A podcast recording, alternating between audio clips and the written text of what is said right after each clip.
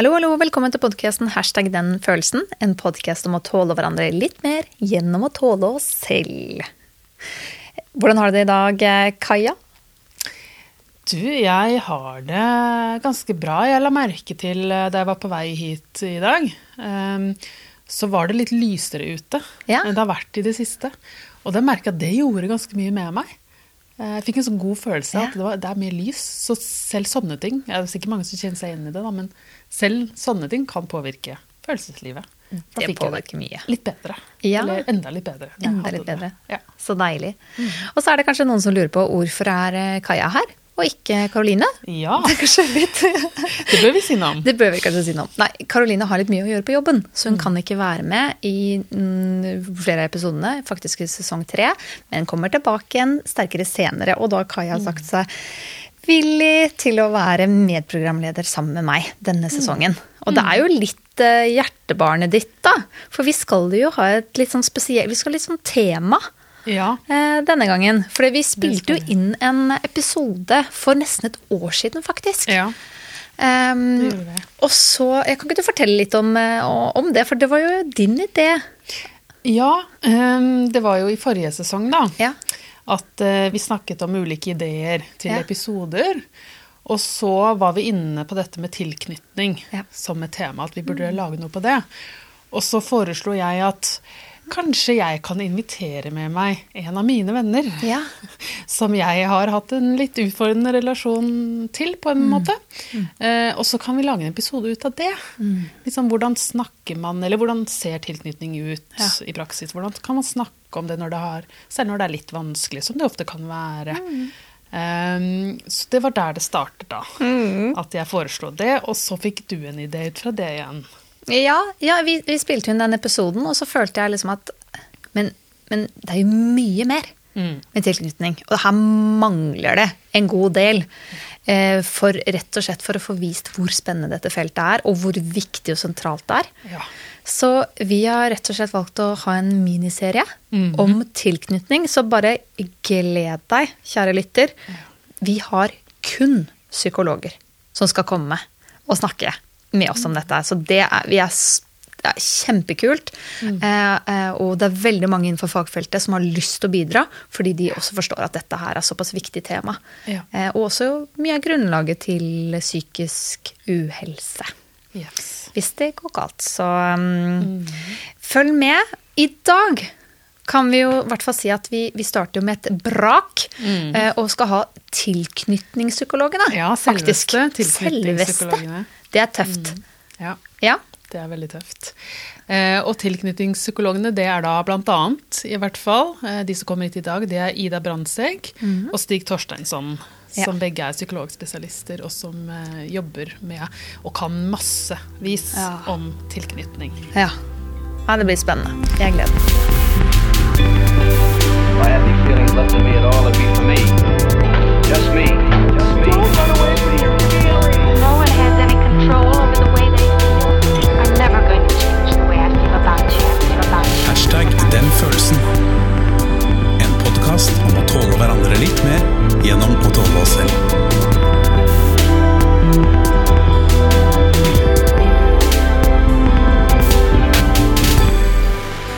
Ja, og i dag så har vi jo besøk av Stig og Ida. Som er eh, rett og slett tilknytningspsykologene. Eh, og mer relevante gjester tror jeg ikke man får. Nei, det kan du I si. en, eh, starten på en miniserie om tilknytning. Så dere er jo superstjerner her. Vi har jo, da vi skulle snakke om tilknytning, så var det jo eh, veldig fort gjort at navnene deres kom opp. Med at disse, di, disse må vi ha inne for å snakke. Og så eh, når vi fikk en eh, go fra det, så var jo det en gledens dag. Så vi er Ja. veldig glad for å ha dere her. Eh, eh, Det er. Hyggelig å være her òg, da. Ja, kjempehyggelig. ja. Kan ikke dere ta så introdusere dere litt? Fortelle litt om, eh, ja, om dere selv, og hvorfor dere er så interessert i tilknytning. Ja. ja, skal du begynne litt, Sig? Skal jeg begynne litt? Ja. Vi er jo, vi er jo um, psykologspesialister, da. Sånn i utgangspunktet. Og um, er jo Og vi um, både jobber sammen og lever sammen. Så Vi er jo en tilknytningsrelasjon, faktisk. Faktisk. Ikke sant? Ja. Ja. Og vi har jo egentlig liksom vært opptatt av dette med um, små barn, da. em, gjennom eh, ja, så lenge vi har vært eh, psykologer, også under studiet i dag. Mm, ja, vi har eh, Vi begge har vært veldig opptatt av utvikling, da. Og hva er det som gjør at vi utvikler oss sånn som vi gjør. Og en eh, viktig side ved hvordan vi utvikler oss, er jo liksom erfaringene vi får fra Eller viktig påvirkningskraft, da. Er jo erfaringene i nære relasjoner. Ja. Og da i tilknytningsrelasjonen. Så um, derfor så har vi vært veldig opptatt av tilknytning og, og hva, hvilken innvirkning den har uh, for hvordan små barn utvikler seg, og Ja. hvordan de har det. Mm. Så har vi jo vi har så heldige å kunne jobbe med noen kollegaer og skrive noen bøker sammen med kollegaer, bl.a. Mhm. Guro Øyestad og Lars Schmidt, -hmm. som vi har skrevet noen bøker sammen med. Og så jobber vi med å implementere, da, som det heter, Trygghetssirkelen, eller Circle of Security, Ja, ikke sant? i eh, Norge, Sverige og Danmark. Mm, Ikke sant? Og det har vi holdt på med i en sånn eh, Vi tenkte vi skulle ha litt sånt jubileum nå, men vi har Ja. holdt på i over ti år med det. Oi, oi, oi. Eh, så å jobbe med det. Mm. Wow. Men kan ikke dere allerede bare, Nå begynner vi å bruke egentlig begrepet med en gang, som er viktig. Kan vi, hva er eh, trygghetssirkelen, eller Circle of Security? Så Circle of Security er eh, det vi kaller for en sånn tilknytningsbasert metode. Okay. Så det er en metode basert på det store feltet som tilknytning er da, i psykologien. Et, både et stort teoretisk felt og et stort forskningsfelt. Okay. Uh, Så Circle of Security, eller Trygghetssirkelen, er en metode som har utviklet seg basert på den kunnskapen som vi har fra det feltet. Ok. Mm. Og en metode som vi først og fremst ble utviklet for å styrke foreldre og barn i relasjoner. Ja. Eller i den relasjonen, da, styrke den foreldre-barn-relasjonen. Men som vi også nå anvender i mange andre sammenhenger. Ja. Sånn som i barnehage og mellom ansatte og barn, og mellom de ansatte og barn på skolen. Ja. ja. Men, men hva er denne metoden, da? Ja, den metoden er jo Den består jo av eh, Den har en, utviklet en rekke verktøy, da, hvor trygghetssirkelen er, er et sånt verktøy. Men Ja. det er også Og det er en måte å skjønne barnet på. Ok. Eh, Sånn som Eller sånn som vi sier, da, det å se barnet innenfra. Det å forstå hva som på en måte beveger barn til å gjøre sånn som de gjør, da. Ja. Man lurer på det av og til. Hvorfor, Ja. hvorfor er han på denne måten, eller hvorfor gjør han det sånn, eller hvorfor sier han sånn, eller Det å prøve å se bakenfor atferden, da. Det å okay. prøve å forstå. Ja. Og Trygghetssirkelen er jo til hjelp for det. Men så handler det også om å se på seg selv. Mm. Hva skjer inni meg Mhm. når barnet er på denne måten? Hvordan er det jeg reagerer, og hvordan er det jeg Hvordan, hvordan kjennes det ut for meg? Mhm. Og så er det også å prøve å forstå det som skjer imellom. Okay. Klarer jeg å hjelpe barnet? Klarer jeg å um, sørge for at det blir barnet forstår seg selv, eller for at det blir litt bedre, eller Ja. er jeg til hjelp på noen som helst måte? Ja. Eller er det jeg gjør, ikke til hjelp, da? ja. Har du noen eksempler, bare sånn at man forstår litt bedre hva det er? Ah, ja, vi har mange eksempler i det. Ehm, vi, Ja. vi driver og samler på litt sånn Vi er jo blitt litt, el, blitt sånn, vi er blitt litt eldre. Og da Ja. samler vi på Vi er blitt, litt, vi er blitt eh, Vi har fått besteforeldre. barnebarn. Vi har fått barnebarn. Så Så de aller ferskeste eksemplene våre nå, det er liksom litt sånn rett fra sånn barnebarneksempler. Ja, vi har noen der, altså, hvor vi Vi, vi um, Ja, altså fordi at uh, trygghetssirkelen, da, den er jo litt sånn hjelp til å uh, Til å For oss, når vi er i særlig vanskelige situasjoner, til å liksom greie å tenke hva er det barnet egentlig trenger nå? Ja. Og da har trygghetssirkelen to sider. Det er okay. liksom den ene som vi snakket som er liksom at vi sier at barna er oppe på sirkelen. Ok. Det vil si at eh, barnet egentlig er kanskje nysgjerrig, og det har lyst til å prøve noen ting, og få til noen ting, eller lære noen ting, eller leke. Ja. Altså det er, på, er i utforskning, da. Ja. Men kanskje trenger litt sånn støtte i den utforskningen. Okay. Kanskje Ja. er litt engstelig, eller kanskje blir litt frustrert for at det ikke får til noe. Ja. Så det trenger liksom litt hjelp, hjelp da, da. Okay. Men så er det andre ganger at vi sier at barnet er på bunnen av sirkelen. Ok. Og det er når barnet kanskje er litt slitent, eller litt trøtt, eller overveldet over eh, vanskelige følelser, eller eh, kanskje er lei seg eller sint, eller, eller er redd, da, og trenger å bli beskyttet. Ja. Da sier vi at barnet er på bunnen av sirkelen. Uh, Så det å liksom bli bevisst den bevegelsen barn har, da, fra å være oppe og utforske, og så kanskje bli litt slitent eller, litt, eller lei seg for noe og falle ned, bli, bli bevisst den, den bevegelsen Ja. fra ut og inn, kanskje, som vi også sier det, når barna er ute og oppe og så nede, den kan være litt sånn til hjelp til oss, særlig når vi selv blir litt utfordret. Ja. F.eks. hvis eh, barnet er frekk mot oss, da. Ja. Ikke sant? Og så kan vi liksom kjenne på at vi får lyst til å bli veldig sånn korrigerende på barnets atferd. Men da kan det være litt sånn hjelp til å tenke på hm, sirkelen, hvor er egentlig barnet nå? Jo, nei, kanskje det egentlig er nede på sirkelen. Kanskje det egentlig er litt overveldet, litt frustrert. Eh, det er et eller annet som gjør at det mister litt kontrollen over de ordene som kommer ut av munnen. Eh, altså det egentlig er nede på sirkelen. Og når vi forstår at barnet er nede på sirkelen, så, så greier vi kanskje å gå litt vekk fra den og bare bli litt sånn kjeftete eller veldig korrigerende på barnets uttrykk, da. Og Ja. isteden prøve å forstå hva barnet trenger. Ikke sant. Jo, for når barn er på bunnen av sirkelen, da trenger de jo egentlig trøst. Ikke sant. Eller omsorg, eller litt hjelp med følelsene. Hjelp til å forstå hvorfor det føles som det gjør, f.eks. Ikke sant. Jeg bare lurer på, Skulle vi bare tatt en litt sånn definisjon på tilknytning? Ja, godt.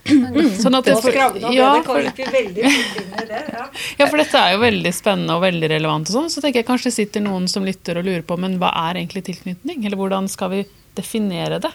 Og så kan vi gå tilbake og forklare litt mer Ja, rundt godt det. poeng. Mm. Liksom, hva, hvordan vil dere definere tilknytning? Litt sånn kort og konsist, er det mulig? Ja, Tilknytning er en følelsesmessig forbindelse mellom to individer. Så enkelt kan det Så sies. enkelt ikke sant? Og Ja, det er en dyptfølt Det er noe dyptfølt, da. Ja, ikke sant? At det er en Det må ha vært en relasjon som har vart over tid. Mm. Sånn at den kjennes dyptfølt ut. Ja. Men den kan være, den kan være mellom en forelder og et barn. Men kan også være mellom en, en, en ansatt, som Ida var inne på, på da, i barnehagen f.eks., og et barn. Mm. Kan også være mellom to voksne. Ja. Ja, Sånn at det er en, eh, det er en Mm. Det som på en måte vi tenker er en, er en eh, tilknytningsrelasjon. Og, og så er det sånn også at um, hver relasjon har sin sitt uttrykk. Sin helt spesielle måte å være på. Uh, I forhold til det å håndtere følelser, da. Ja, og med det så mener du at f.eks. så kan et barn ha en trygg For vi snakker også om at tilknytningsrelasjonen kan være, ha en ulik kvalitet. Den kan være trygg, eller den kan være utrygg. Og et barn kan ha en trygg relasjon til eh, deg som mamma, f.eks., da. Men kanskje ha en utrygg relasjon til en annen voksen som det også er knyttet til. Okay. Sånn at eh, kvaliteten kan ha ulikt uttrykk. Ja. Man har gått seg opp en måte å være på Ja. um, som har liksom gått seg til litt sånn over tid. Den kan jo også forandre seg. Ja. Altså at For en periode så gjorde man det på den måten, men så kanskje forstår man ting på en litt ny måte, og så endrer man seg. Det er ikke noe som er hogd i stein eller ikke sant? Det er en måte vi har gått til å være sammen på, Ja. um, som, som er en slags en dialekt, da, om du vil, på en måte. Vi har hver våre dialekter i måter å være sammen på. Ikke sant? Men sånn som- det høres ut som barn blir da veldig påvirket av omsorgspersoners type måte å eh, forholde seg til andre på. Tar jeg feil her? Nei, eller? det er helt riktig. Og, og, og det, er jo, det er jo litt sånn at vi mennesker eh, er født det vi kaller Vi er, liksom, vi er sånn selektive helt fra starten av, vi mennesker. Vi forholder oss ikke til alle mennesker likt. Og det gjør heller ikke et nyfødt spedbarn. Et nyfødt spedbarn foretrekker uh, den kjente, da. Uh, gjennom egentlig alle sansekanalene så har det en preferanse for det, det kjente mennesket. Den som det er liksom kjent med, fremfor det ukjente. Det, et sånt eksempel vi pleier å snakke om, er eh, at selv et tre dager gammelt spedbarn, hvis du legger liksom en liten skål med mors melk på den ene siden, og en skål med en fremmed kvinnes melk på den andre siden, så vil det lille spedbarnet vende hodet hyppigere mot den kjente lukten, da, altså Oi. lukten av mors melk. Såpass. Så, så vi mennesker er litt sånn laget til å søke den kjente, og det er litt sånn starten på en tilknytningsprosess. da, At det vil ha en preferanse for det kjente. Og veldig tidlig eh, også kommer den preferansen til uttrykk for at man blir mer beroliget, også med både tilstander og følelser, Ja. gjennom det kjente mennesket. Og aller mest hvis det kjente mennesket også um, er, eh, er i stand da, til å gi det vi kaller for en trygg tilknytning. Mm. Ja. Og det selektive er vi jo gjennom hele livet. Altså um, Hvis et eh, lite barn har slått seg og gråter og vil ha trøst, så ønsker du å gå til en tilknytningsperson. Altså vi ser det selektive. Ja. Og det er vi voksne også. Vi er også veldig selektive. Mm. I hvert fall når det gjelder det som vi kaller for bunnen av sirkelen, som vi var inne på Mm. Tidligere. Det som handler om trøst, omsorg og beskyttelse, så er vi jo veldig selektive, også som voksne. Vi, vi snakker jo, hvis vi har det litt vondt og vanskelig, så, så begynner vi ikke å snakke om det til hvem som helst, på en måte. Vi, vi har noen få vi foretrekker å snakke om den type sårbare temaer. Og sånn er det jo gjennom hele livet, på en måte. Det er jo gjort uh, tilknytningsforskning på eldre også, som er helt eh, sånn i en, i en, i en eh, i, Altså helt mot slutten av livet, Ja. Bare for å se på den helt Ja. andre enden. Hvor man har sett på bl.a. Uh, det å holde hånden, da. um, I forhold til smertelindring. Og ser at uh, det er smertelindrende om en fremmed holder hånden Mm. så rapporterer eh, de eldre at det, det er godt og fint å bli holdt. Men det er mer smertelindrende å bli holdt av en kjent, da. Ai. Hvis det sitter en, Mm. sitter en person som du har en, en dyp følelsesmessig relasjon til, og holder hånden din, Ja. så er det mer smertelindrende. da, På en måte. Ja. det Så kjente jeg Det var veldig fint. Mm. Men vil det si at eh, Circle of Security, eller trygghetssirkelen, da, den er mest aktuell i tilknytningsrelasjoner, eller er det noe som den modellen kan brukes liksom i alle typer relasjoner? For det snakket jo om ikke sant, med barn, eh, eller barnehageansatte. Det er et veldig godt spørsmål, fordi at uh, vi, vi tenker at den er aktuell i alle relasjoner, egentlig. Um, fordi at eh, den kunnskapen da, som ligger til grunn for trygghetssirkelen, og de prinsippene som er i trygghetssirkelen, de, de, de, eh, de passer til alle, og er også basert da på, på kunnskap om, eller forskning på relasjoner. Så det er klart at Eh, De prinsippene vil jo alltid være med å vekke tillit i en relasjon. Selv om ikke relasjonen er dypfølt. Og også, de prinsippene også vil være gode og trygghetsskapende for barn å bli møtt på, eller, eller voksne. Da. I en, vi anvender jo også disse prinsippene i, eh, i, eh, i arbeidslivssammenheng. Mm. Eh, så vi er også i et prosjekt med det, med en som heter P. Magnus Thomsen. Mhm. Så, så vi tenker at disse prinsippene er gjeldende i alle relasjoner, selv om det ikke er en dypfølt tilknytningsrelasjon vi snakker om. M- Men du vil være mer virksom. Altså det som den, den studien også forteller om i forhold til de eldre, så er jo Altså du har en helt annen Du virker på en helt annen måte når du er en tilknytningsperson, da. Ikke sant? Du, sånn, som, sånn som et barn som som slår seg i barnehagen, da, bare for å bruke det som et eksempel, så det er det klart at at det er fint at det, at det, får, det kan jo få trøst av en som de ikke kjenner så godt. Og det, det, det er jo også lindrende på en måte at noen er, er god med det barnet og gir det trøst. Men hvis det er en tilknytningsperson i barnehagen som gir den trøsten, så har det en helt annen virkning på barnet. Ja. Det vil, det vil raskere på en måte kjenne at det, det får det litt bedre. Mm. Så du har en helt annen kraft, på en måte, da, som tilknytningsperson. Um, som, som jo handler om um, forventninger. Altså, som, I tilknytningspsykologien er man jo veldig opptatt av forventninger som tema.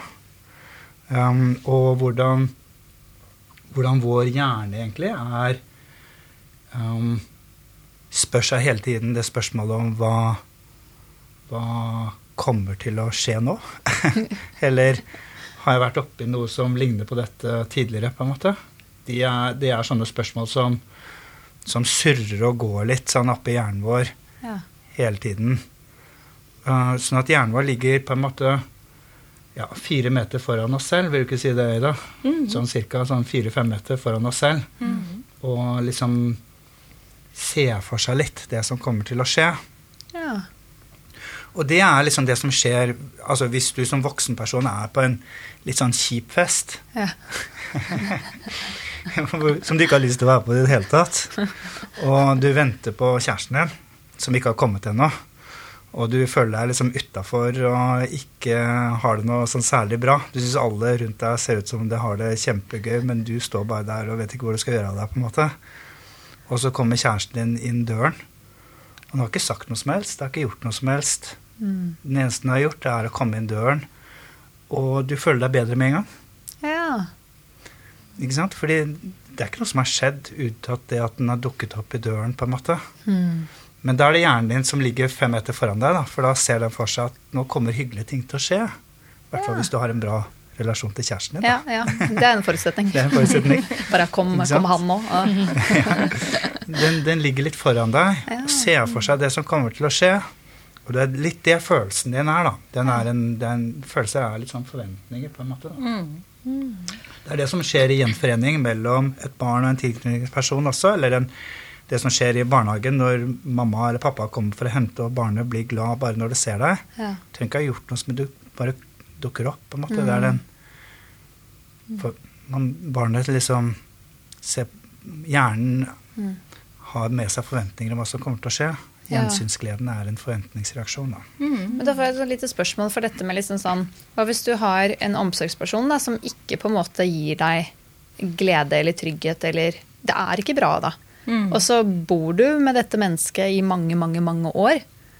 Kan det da gjøre noe Ja, med De er på også måte- med på å prege forventningene, Ja, selvsagt. Men Og- også i i relasjoner videre, for eksempel. Ja, det kan også være med på, mm, på en måte som du kan ta med deg, Ja.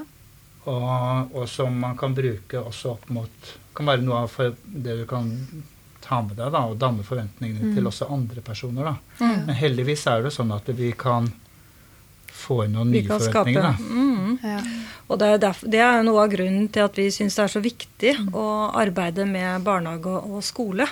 er jo nettopp Det er viktig for alle barn selvfølgelig å få gode relasjonelle erfaringer. Mm. Både i barnehage og skole hvor de tilbringer så mye tid. Men det er særlig viktig for de barna som ikke har med seg eh, trygge erfaringer. da. Ja. Og med trygge erfaringer så mener vi det å bli sånn godt nok eh, møtt på behovene sine. Og respondert på når man har ja, behov og følelser. Da. Eh, nettopp, så Det er liksom det vi tenker på, at eh, dersom de kan få det der, så vil jo det gi en litt sånn nyanse til de forventningene de får til andre mennesker. De får et slags referansepunkt på at noe kan være annerledes enn det jeg opplever hjemme Ja. når de, dersom de får oppleve gode ting ute i barnehage og skole. Da. Ikke sant. Kan vi kanskje forklare litt mer om dette, disse prinsippene i trygghetssirkelen? For du Ja. begynte jo å si litt om hva er trygghetssirkelen. Ja. Uh, og så tenker jeg kanskje det kan være fint å forklare litt mer hva, hva er prinsippene som ligger i den modellen. Mm. Hva er det vi ønsker at personer rundt barna, omsorgspersoner og andre skal gjøre? Ja, vi, Noen av prinsippene bygger bl.a. på det er, en, det er en del temaer som er altså som, som Trygghetssirkelen er bygd rundt, da, som er sentrale temaer i tigningspsykologien, sånn som prososialitet, da. det å være prososial, um, som jo handler om å være empatisk og Og god. og god, rett og slett. Det er jo, man kan jo liksom tenke, det her har man forsket i 60 år, og så har man funnet ut at det, det er trygghetsskapende å være god, faktisk. Og at, eh, og at eh, trygghetssirkelen er liksom en hjelp til å være god, da. Ja. Fordi, fordi, eh, fordi det er eh, Eller andre tilknytningsbaserte modeller. Fordi det er jo Det viser seg at, eh, og det har vi vel alle erfaring med, at det er ikke alltid så lett å være god. Nei. Eh, Særlig når vi blir utfordret, eller vi, vi er stressa selv, eller slitne, eller vi, vi eh, eller vi har med oss noen erfaringer da, som gjør at vi blir eh, provosert eller trigget i gitte, visse situasjoner. Og da, da kan vi reagere på måter som ikke er helt sånn i samsvar med det barnet egentlig trenger. Og da pleier Stig og jeg å si at da, da greier vi ikke å se barnet innenfra. Se hva er det som er barnets egentlige behov i denne situasjonen. Uh, og Trygghetssirkelen uh, er en hjelp til å prøve å se barnet innenfra. Da. Liksom, sånn som vi snakket litt om i sted, en sånn hjelp til ja, hva, hvor, hvor er det barnet, hva er det egentlig barnet trenger nå? Ja. Eh, så det er det ene prinsippet, er liksom dette med, med å være god, da. ja. Og så er det hjelp til håndtering av følelser, som er et veldig sentralt tema i teknisk-psykologien. Mm. Og utvikling av følelser. Særlig de to ja, er vel kanskje først og fremst det vi vil kalle for et, en avlastningstenkning og en utviklingstenkning når det gjelder emosjoner emosjoner i tilknytningspsykologien. Vi er jo avlastende i forhold til hverandre. Ja, fordi vi, vi Altså barn Barn er jo mye følelser, som vi alle vet. Og følelsene de blir jo fort store og sterke. Litt varierende fra barn til barn, da, avhengig av temperament og mange ting. Men, men de trenger jo helt fra starten av veldig mye hjelp med følelser. Gjennom eh, Og da er jo liksom tilknytningspersonene særlig potente i å hjelpe dem med det. Og, og en måte de får hjelp til det på, er jo å kjenne at vi kan være medfølende, da. Og med de, på en måte, i det de føler. Vi toner oss inn på det som barnet føler. Og det vet vi, det har en avlastende funksjon. Altså det betyr at eh, de kjenner på at nå er jeg ikke alene med å håndtere det, og når man kjenner at man ikke er helt alene med å håndtere en følelse, så, så blir følelsen litt mindre intens. Så man blir litt avlastet i den jobben med å håndtere følelsen. ja. Men så er det en annen side ved det også, som, eh, som tilknytningspersonene er veldig viktige i forhold til, og det er det du snakket om, Stig. Og, og Utforme, eller utforme ut, følelsene. Hjelpe de til å forstå hva de føler. Okay. Um, og da er vi litt sånn opptatt av, vi er veldig opptatt av dette for tiden, at vi, vi mennesker egentlig er født med litt sånn grove følelser. Ja. Uh, vi er liksom født med liksom å kunne kjenne på velbehag. Ja. Enten intenst eller litt mindre intenst. Og så er vi født med liksom det å kunne kjenne på et ubehag. I mer eller mindre eh, mer eller mindre intenst, da. Og, og så etter hvert, med hjelp av tilknytningspersoner, og etter hvert andre også selvfølgelig, så blir disse grove kategoriene mer differensiert. Og vi får mer eh, forståelse av ulike følelser, og ikke minst hvilk, når det passer seg å føle det man føler. Altså hvilke følelser som passer, passer til situasjonen, på en måte. Ok. Og da kan vi jo kanskje ta et lite eksempel med ja. Vi har mange eksempler. Ja, ja, det er det her vi kan krydre med, med, med, med, med at vi er blitt eh, besteforeldre, da. Ja, mhm. Mm, for da har vi litt de småbarnsopplevelsene litt sånn tett innpå. Ja. ja, for eksempel da, så var det en gang Vi har jo hatt uh, småbarn selv, da, men det er jo Ja. en stund siden, da. Ja.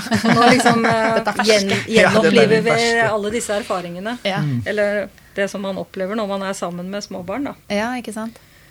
Uh, nei, for eksempel så, så var, det, var det en gang eh, Og så skulle, skulle jeg si ha det til eh, det lille, mitt lille barnebarn, da. Og så bøyer jeg meg ned i vogna. Da var hun sånn cirka ja, ett halvannen kanskje, Stig. Mm, noe sånt. Så bøyer jeg meg ned i vogna, og så kjenner jeg bare en sånn liten hånd som kommer og klyper meg skikkelig i kinnet. Ikke sant? Ja, ja, ja. Og da, og da er jo liksom litt min første respons å si at sånn må du ikke gjøre. Ikke sant? Nå skal vi jo si ha det og sånt nå. Uh, men da liksom jo Da, da greide jeg, da, for at vi snakker jo så mye om dette. Det er slett ikke alltid jeg greier. Men Du gjorde ikke det, da. Selv om du kunne kjenne på at, du, Ja, at det var nærliggende å gjøre det Det var veldig nærliggende å gjøre det. Men, men jeg, jeg kunne liksom tenke at nei, nå er det jo litt vanskelig for henne. Dette at eh, nå er det noe som stopp, slutter, og alle overganger, og jeg skal reise, osv. Så, ja. så jeg greide å si at å ja, det er leit at mormor skal dra. ja. Uh, og så sa uh, mammaen til barnebarna at uh, ja, det er leit at mormor skal dra. ja. Og da ble denne lille jenta, barnebarnet vårt, hun ble, hun ble liksom mykna litt av det.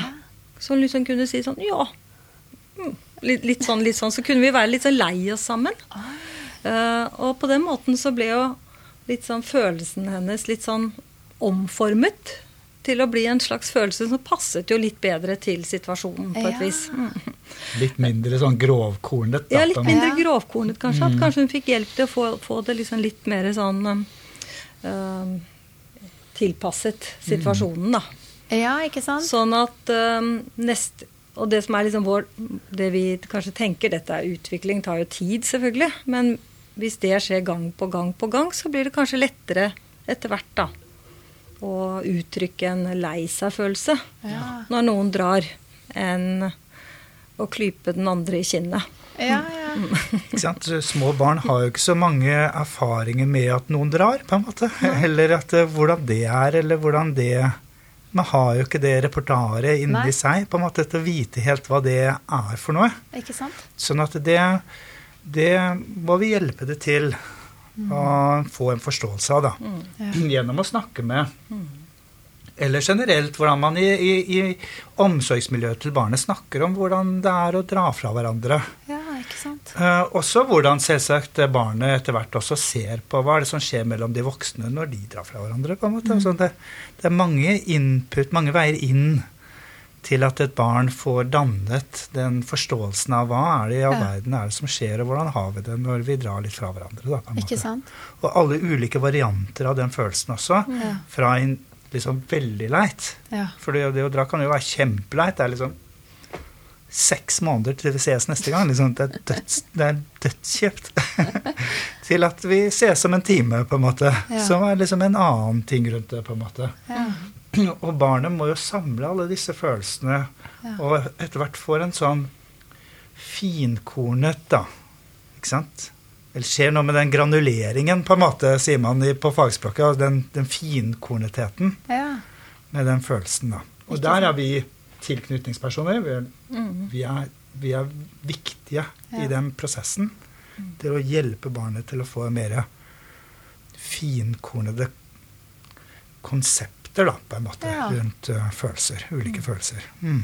Så, så på en måte inni barnebarnet så er det liksom ubehag, da. Det er et Ja. Sant? ubehag. Ubehag. Jeg vet ikke hva jeg skal gjøre med det.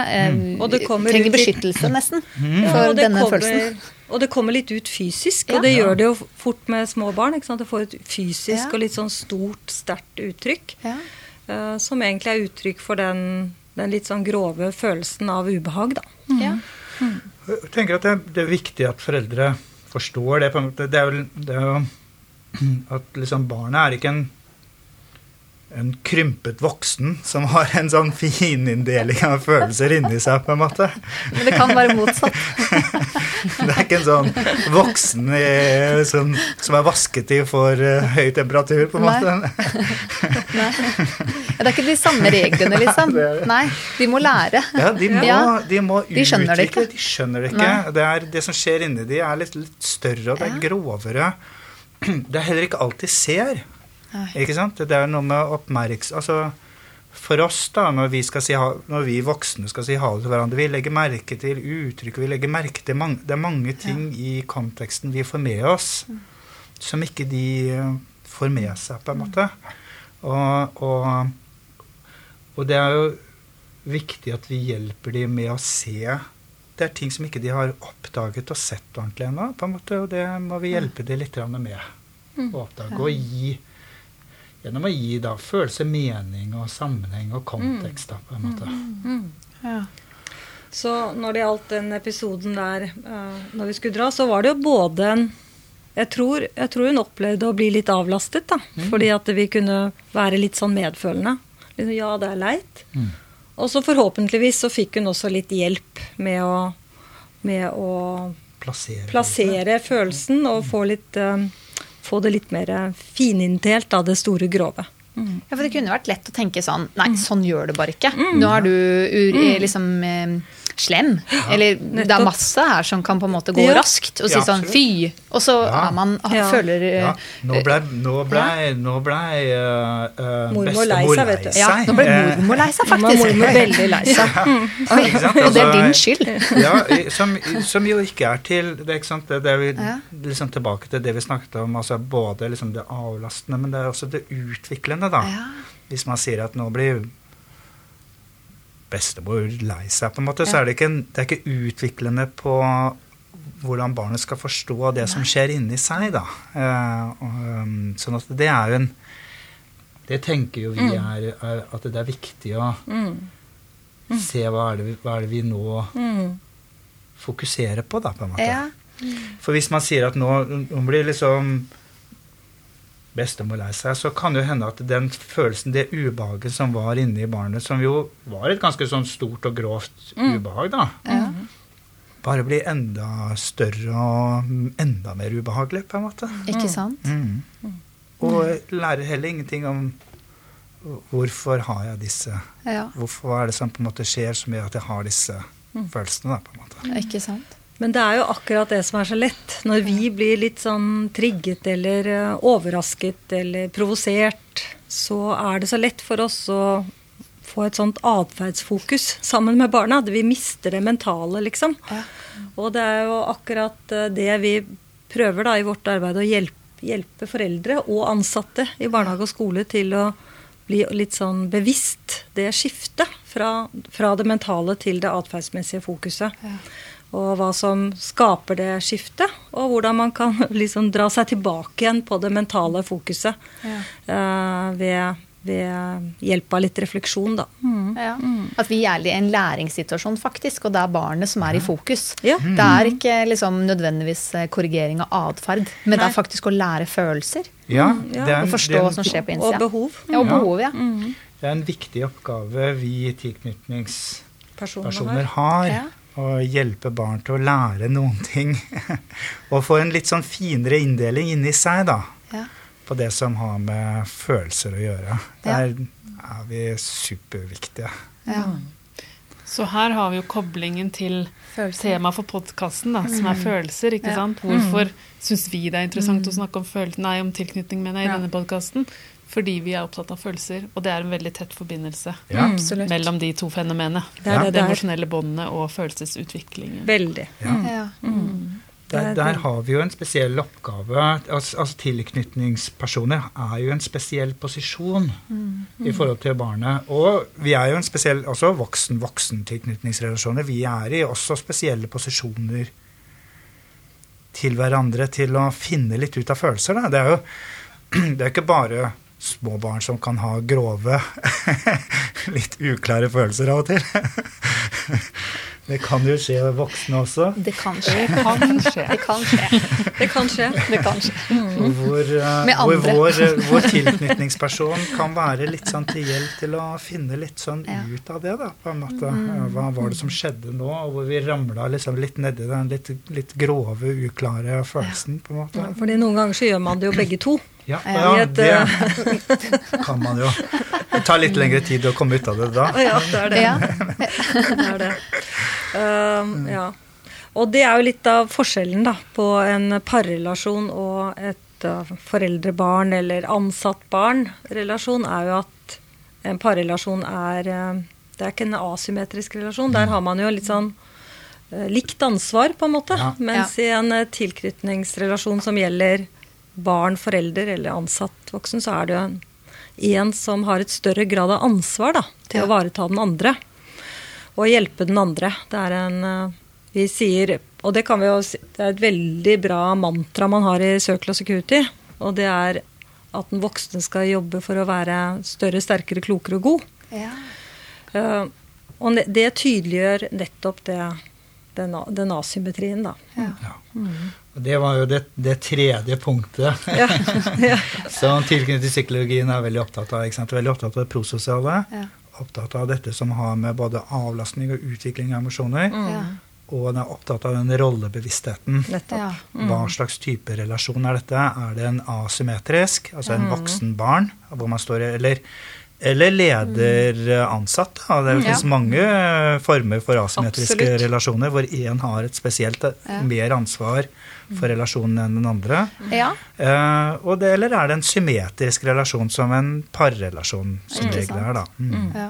ja, for hvis du har en sjef som er usikkert tilknyttet, Mm. så kan jo det bli vanskelig. Ja, som ikke er opptatt, eller tenker at den har et spe spesielt ansvar for at denne relasjonen Ja. skal fungere, på en Ja. måte. Da. Mm. Ja, og som kanskje fort blir utfordret, da. Ja. Eh, og, og, og jobber ikke nok med å, å beholde, liksom, beholde det å kunne se den andre innenfra Ja. i, de, i de situasjonene, så kan det bli vanskelig. Ikke sant? Mm. Men sånn som det med du sier med den med avlastningen, at det, at det jeg hører er regulering av følelser. Ikke sant? Det skjer noe inni meg, Ja. Ja. og så er det, det er et ubehag, og jeg trenger nå trøst. Mm. Ikke Ja. sant? Jeg er nede på sirkelen. Ja. Trenger Ja. trøst. Og, og, og det må få den veiledningen da, til liksom at nå ser jeg Valideringen, kanskje. Nå ser Ja. jeg hva du føler. Det er litt sånn medfølelse. Føle Ja. litt. Det er jo veldig virksomt når vi kjenner at noen føler litt uh, av det vi føler. På en Ja. måte er liksom med oss i det vi føler. Ja. Kjenner på liksom den um, du, du forstår meg, og du Ja. føler med meg. Ja. Vi har det ordene Vi har det hvordan vi snakker sammen Ja. også. Jeg, Ja. Hvis vi møter en i sorg, så sier vi fort 'jeg føler med deg'. Ja.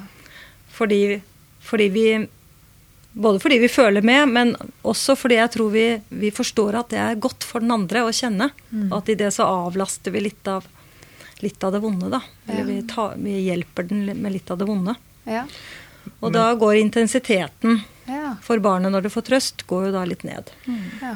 Men man kan være virksom uten å nødvendigvis validere også. Sånn som okay. i det eksempelet hvor du er på den kjipe festen, og kjæresten din bare kommer og dukker opp i døra, og du Ja. føler deg med ett Ja. Bedre, da. ja. Det har jo ikke skjedd noe, på en måte. Det har jo ikke vært Nei. noen validering av følelser. Det har ikke Det er bare de forventningene, på en måte. At, liksom hjernen som sier at der kom kjæresten min, og Ja. vi pleier å ha det hyggelig sammen når vi er på fest, på en måte. Hvis, Ja. Som, som dukker opp og forandrer følelsen inni Ja. deg, da. Og omskaper den og omformer den, på en måte. Sånn at det er jo en men noen ganger så må vi jo selvsagt også validere, og man må Ja. gjøre mer aktive grep da, for at det skal på en måte skje noe med følelsene. Men, men som tilknytningsperson så har, du jo, Ja. har jo man forventninger til hverandre. Ja. Og det er det hjernen Det er det som gjør at, hjernen, at på en måte, det skjer disse omformingene, da. Mm. Uten at noe nødvendigvis har skjedd. Det bare skjer en forventning, på en måte. da. Hvis det er en trygg tilknytning, Hvis det er en trygg tilknytning. Ja, men det samme er det jo hvis det er en mer utrygg tilknytning. Men da blir jo forventningene annerledes. Ikke sant? Da, man kan jo også se det. altså Forventningen om å ikke bli ivaretatt. på en måte, Dette med å håndtere selv. da. Man kan også se den forventningen. da, på en måte. Men hvis du ikke blir liksom møtt, eller sånn som du snakker om da, eh, hva, hva kan det gjøre med utviklingen av følelsene da? Hvis det ikke blir noe møtt? Har Ja, det, det påvirker jo Ja. begge de tingene. Både liksom hvor mye jobb du må gjøre for å håndtere ting selv. Altså hvor mye du må klare selv. Du, du, sånn som vi ser det, så det med regulering av følelser Hvis du får hjelp fra en annen, så er det jo ikke sånn at du ikke gjør noen ting selv. Du gjør jo alltid noen ting selv. Det er ikke sånn at hjernen bare da kobler helt ut, på en måte, og det er ingenting som skjer der. på en måte. Du får bare 100% hjelp. Du, du gjør en god del ting selv. Du selvregulerer alltid, på en måte, da. Ja. Men så får du mer eller mindre hjelp. Sånn i forhold til hvor mye må jeg gjøre på egen hånd, Ja. på en måte. Um, Fra man er liten, liksom? ja, fra man er liten, og også som, som par, da. Ja. eh, liksom, ikke sant? Hvor mye for hjelp får jeg til å håndtere dette Ja. Ubehaget vi er oppi nå, eller som jeg skal igjennom, mye hjelp får jeg til til å Mye avlastningshjelp får jeg, eller må jeg liksom gjøre alt selv, på en måte. Og det koster selvsagt mer krefter. altså Dette er jo koblet til også de sosiale relasjonene, og forventninger til sosiale relasjoner er jo koblet til det vi vil kalle for sånn ressursbalanse, eller ressursdisponeringen vår. da. Altså at hvis hjernen, hvis forventningen er at dette må jeg klare selv, Ja. så legger hjernen opp til å bruke mye mer krefter, på en måte, da. Det blir mindre krefter til andre ting. på Blir mer sliten. Blir mer sliten, selvfølgelig. Så det er liksom, sliten. avlastning har liksom Ja, det hvor mye liksom krefter kan jeg bruke på dette? Og så er det det det utviklingsmessige perspektivet, da.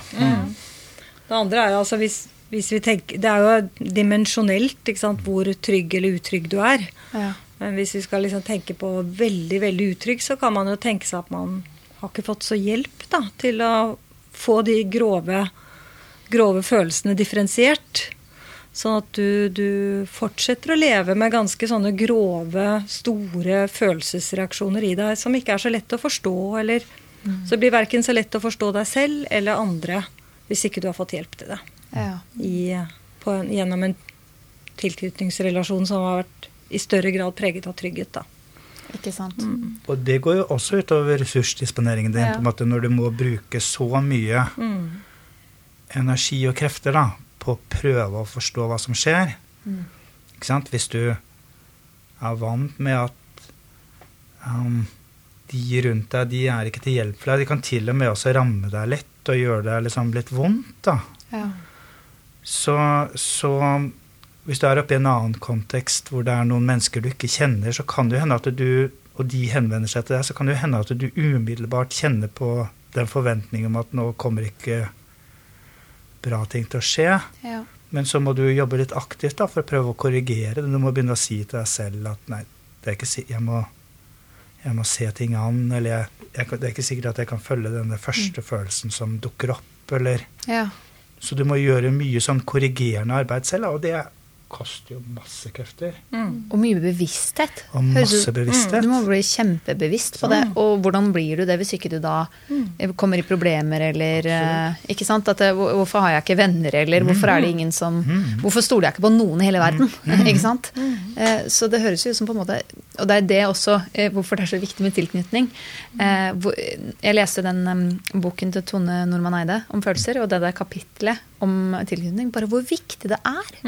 Så utrolig sentralt. Og hvor mye vi som samfunn hadde spart tid. Hadde vi bare gjort ting riktig fra start. Fordi istedenfor at barn som blir eldre, som blir voksne, må drive med korrigerende atferd og gå i terapi og fikse, og så bare øh, Istedenfor å, å um, Må jeg si det? At de som blir foreldre, tar det ansvaret. Og vet faktisk at det er et kjempeansvar. Og jeg vet det er kanskje litt sånn Ja. provoserende å si det, men det er et veldig veldig stort ansvar. Ja, At samfunnet legger til rette da, Ja. for at uh, det er mulig å utvikle seg. Mm. Ja. Mm. Fordi vi, vi bærer jo alle sammen både preg av den kulturen vi er vokst opp i, Ja. og de, selvfølgelig de mer uh, personlige erfaringene vi har med oss. Sånn at eh, tenker jo at det er viktig at samfunnet legger til rette for at vi skal få liksom hjelp da, til å møte barn på utviklingsfremmende måter. Ja. Mm. ja, det er Og trygghetsfremmende mm. måter. Mm. Ja. Jeg leste også noe om dette med at det kunne, liksom, man kan utvikle liksom, psykisk uhelse også, med tanke på eh, med mer utrygg tilknytning. Da. Som du sier, at man blir jo kjempesliten. Ja. ja, man Vi har en sånn studie som, er sånn, som viser det egentlig veldig godt. Litt sånn mekanismene bak det. Skal vi fortelle om den bakkestudien? For den er litt sånn fint bilde Ja. på, på hvor, hvor slit, slitsomt det kan være da, hvis man kjenner at man må håndtere veldig mye på egen hånd. ja, er sånn- Og stå alene i ting. Ja. Og det, var, eh, det, er, det er noen forskere i USA, de, de gjorde en studie utenfor universitetet i Virginia. Der er det en sånn bakke. Uh, og så kalte de inn Dette var studenter, da, men de kalte inn studenter, og så ga de alle studentene eh, den oppgaven at de skulle gå opp den bakken. Men før de gikk opp den bakken, så fikk de spørsmålet hvor lang tror du den bakken er? og hvor bratt tror du den er? Og så de, delte de alle studentene i to grupper. En gruppe som skulle gå den, fikk beskjed om at du skal gå den bakken alene. Og den andre gruppen fikk beskjed om at du skal få gå den bakken sammen med vennen din. Ja. Og da viste det seg det at de som skulle gå bakken alene, de trodde at eh, bakken var mye lengre og mindre bratt. Nei, og, nei, og, og mye brattere. Ja, Ikke mindre bratt. Ja, ja. Ikke mindre bratt, men brattere. Mer utfordrende. Mens de som eh, gikk eh, sammen, fikk beskjed om å gå sammen med en venn, de trodde at bakken var eh, både kortere og mindre bratt. Og så fant de også at dersom den vennen de skulle gå sammen med, ble vurdert til å være en trygg venn Ja. og nær venn, så vurderte de bakken som enda kortere og enda mindre bratt. Nei, det er ganske spesielt, Er det altså. ikke? Jo. Det er, det er, så, fasciner- det er så fascinerende funn. Det er veldig fascinerende. Og, og her er det jo også litt av det da, at vi gjør, vi gjør oss sånne beregninger i forkant. Apropos det Stig snakket om, at vi prøver å liksom kalkulere hvor mye ressurser må jeg bruke for å komme meg opp den bakken. Ja. Og når vi står alene, så ok, da må jeg sette av ganske mye ressurser. For jeg skal gå opp denne bakken alene, så jeg ser den som ganske bratt og ganske lang. Mens når jeg har med meg en venn, og særlig når den vennen er nær, så trenger jeg ikke å sette av så mye ressurser, så mye krefter, på å gå opp den bakken.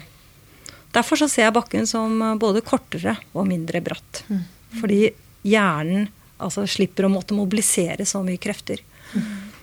Så, så den, hvor mye det har for vår ressursdisponering, altså de kreftene vi, vi anvender da, vi, vi bruker mye mer krefter når vi må gjøre ting uh, på egen hånd. Mm. Ikke? De nære relasjonene og kvaliteten på de nære relasjonene går inn i hjernen sin uh, Kartlegging av eh, ressurser. kartlegging av ressurser. På en måte. Og hva slags mye ressurser du har til overs, og hvor mye du har til å bruke. på en måte. Men det er jo veldig lett å kjenne seg igjen i. Jeg tenker Hvis jeg skulle kommet til denne podkasten alene i dag, så hadde jo jeg måttet uh, mobilisere mye mer krefter i forkant, eh, og også underveis, enn når uh, jeg vet at jeg skal gjøre det sammen med Stig. Ja. Ikke sant? Da kan jeg, blir jeg litt avlastet av Ja. at vi er to sammen. Vi snakka om det. Det er derfor vi gjør det to. Ja.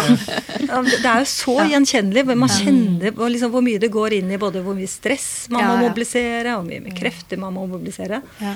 Så den eh, Og det er klart at når vi greier da å gi være med barn på trygge måter, så henter de også, slipper de også å måtte bruke så mye krefter og ressurser i eh, diverse sammenhenger. Da. Mm, Fordi de vet at de har en, en der de kan lene seg til, og som kan avlaste dem. Jeg bare, kan jeg bare spørre, eh, fordi at eh, nå snakker vi jo mye om det her med trygghet, trøst, validering, som, altså gyldiggjøring på en måte da, av de følelsene barnet har osv. Og så bare lurer på, er det sånn um, for, for jeg tenker da at det handler mye om når barn er nede på sirkelen, behovet for trøst, trygghet. Er det, trenger barnet andre ting når det er oppe på sirkelen? Eller er det Godt spørsmål. Ja, Ja. eller er det litt det samme? Ja, nei, det er Til- Tilknytningsrelasjonen har en spesiell funksjon i forhold til å um, Håndtering av engstelse, da, i forbindelse med utforskning.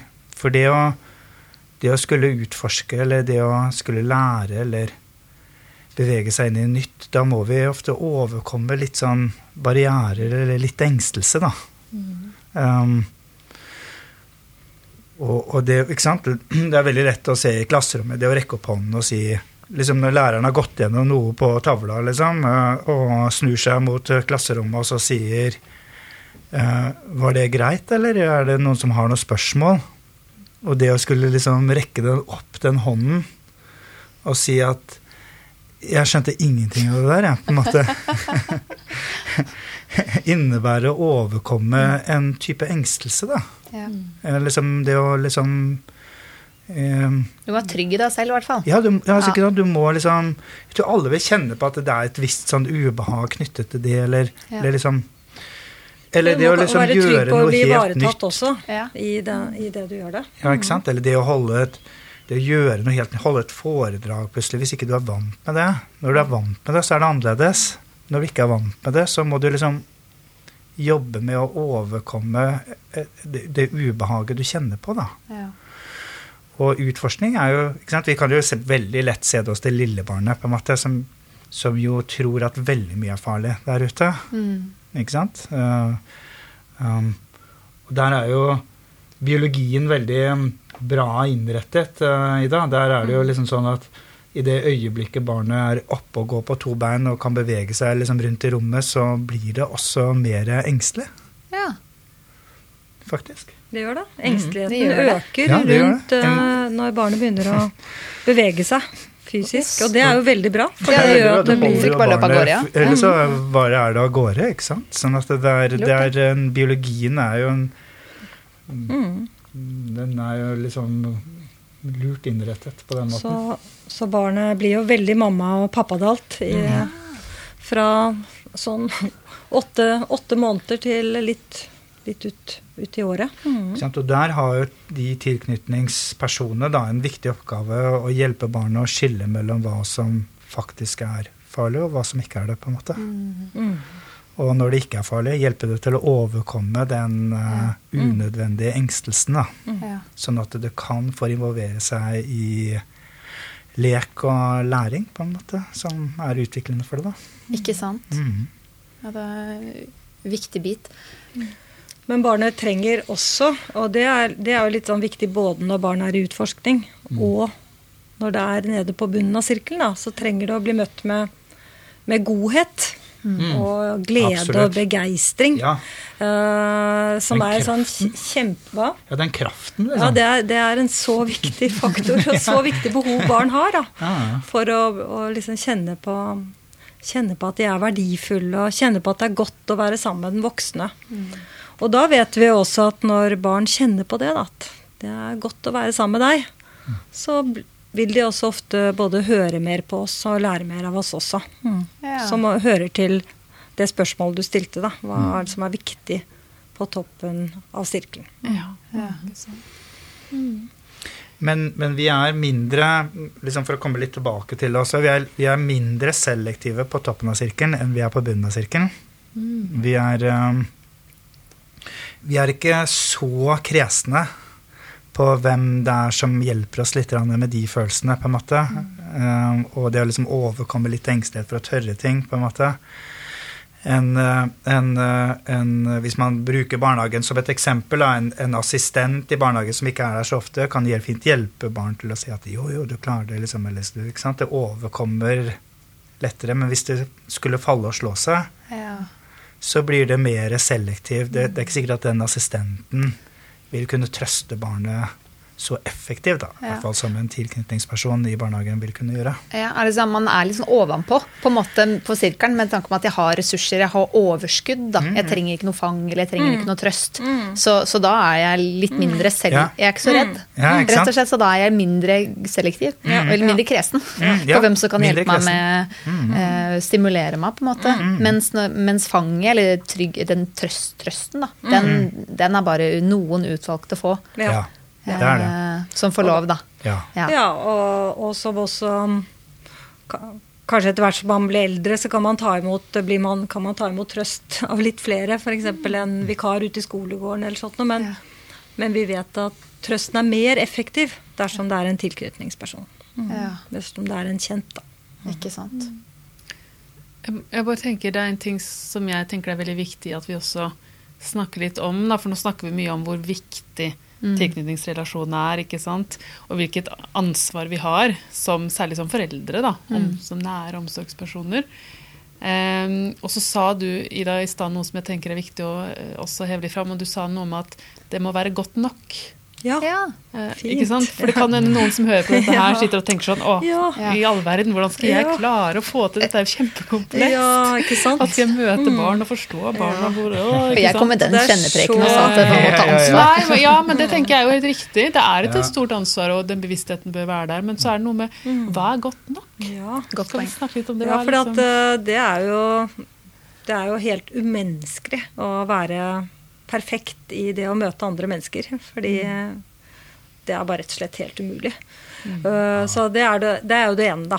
At vi, eh, vi er Det er helt umulig å være, liksom, møte alt på helt sånn lærebokmessig perfekte måter Ja. i enhver situasjon. Det får vi Godt vi ikke til. Mm.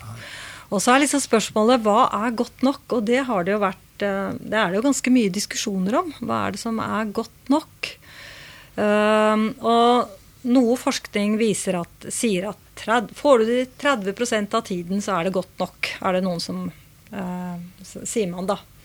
Og det er litt som et tall som er basert, fra, basert på sånn ansikt-til-ansikt-samspill når man har studert babyer og foreldrene. Og så ser man at eh, når man er i samtale med en liten baby, sånn rundt tre-fire måneder, fem måneder, så er det 30% av den tiden man er i samspill med den babyen, at det er liksom uh, full match, da. Hvor man er virkelig ordentlig sammen og tuna inn på hverandre og har sånne gode øyeblikk. Ja. Det er 30% av tiden. De andre 70% så titter kanskje babyen litt vekk og tar seg en liten pause. For det trenger de jo. De trenger å liksom pause litt. Eller eh, foreldrene blir litt uoppmerksom et lite øyeblikk og, og sånt noe. Så at det er 70% av tiden er faktisk ikke full, full eh, match, da. Ja.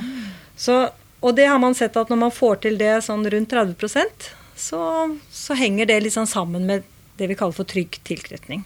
Ja. Altså der hvor barnet har positive forventninger til å skulle bli ivaretatt og møtt. Um, men så er, det, så er det likevel sånn at når vi ser litt sånn nærmere på forskning, så, så er det jo litt annerledes hvis barnet er i veldig gråt og smerte, eller, eller um, er veldig ute av seg, Ja. så er det litt for lite å bli trøstet i 30% av tilfellene. Da trenger det mer enn det, mer enn halvparten av tiden i hvert fall, må det bli trøstet godt og igjennom for at barnet skal kjenne på, få anledning til å ha tro på at til deg kan jeg komme når jeg har det vondt og vanskelig. Mm. Ja. Så det er viktigere å være til stede på en måte og respondere godt på barnets uttrykk når barnet er lei seg. Da. Ja. Ja. Mens det du kan eh, feile litt ellers. Det er ikke like viktig. Ja, og man vil kunne feile litt når barnet er lei seg Ja. også, men, Ja. men, at, eh, men at man gjør det tilstrekkelig. For det er jo det vi ønsker, det er det som er litt sånn kjernen i en trygg tilknytning, er jo nettopp at barnet har en forventning på at deg kan jeg komme til når jeg trenger hjelp med følelsene mine. Deg kan jeg få hjelp av. Eh, sånn at, og da trenger det litt mer enn 50% for det når de er lei seg. Eller ute av seg, eller mm. Ja. Vi liker også godt nok eh, begrepet sånn ut fra at vi tenker på det som et, eh, et refleksjonsståsted. Da.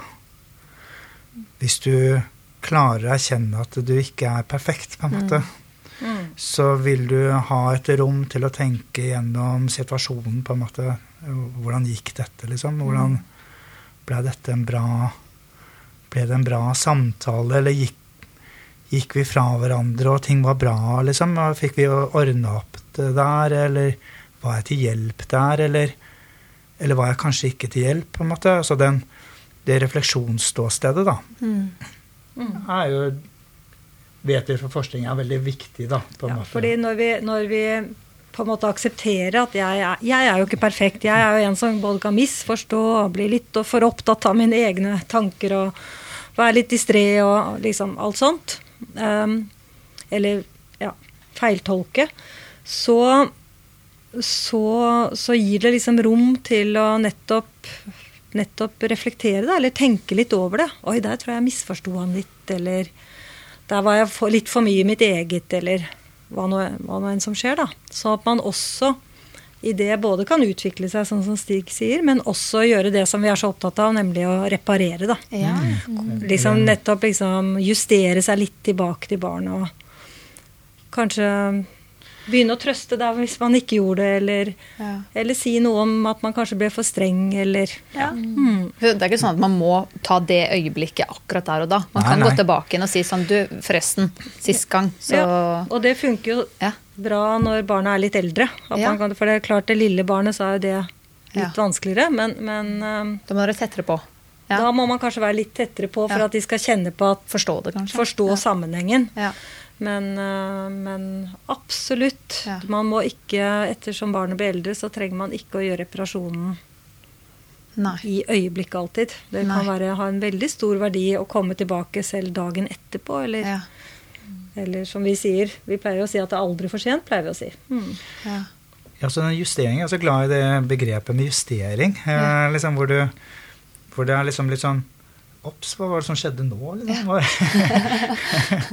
Ble, jeg- ble jeg liksom litt borte der, eller Jeg ser nå ble du liksom litt var det noe, Så jeg et øyeblikk der at du var liksom litt sånn misfornøyd, eller noe. Ble du liksom litt hva var det som, var jeg liksom litt tenk, Jeg tenkte jo at det var sånn, men Ja. så gjør jeg en liten sånn justering tilbake til å finne liksom kursen igjen, da, Ja. på en måte. Var det det du hadde lyst til? Ja. Hvor det ikke alltid er en sånn stor runde med en unnskyld og nå liksom skjedde det og beklager det og Som jo kan være fint noen ganger, det også, men bare det å liksom komme seg på sporet igjen, på en måte. Det å gjøre disse små korreksjonene og justeringene. Ja. For vi faller liksom litt av med jevne mellomrom, da. Vi alle faller litt sånn ut av kurs, på et vis. Vi, vi misforstår litt, vi blir opptatt av noe annet. Vi trodde det var sånn, men så så, så var det noe annet, på en måte. Ja. Og så må vi gjøre disse justeringene hele tiden, på en måte, da. Ja. Og det krever en fleksibilitet av oss.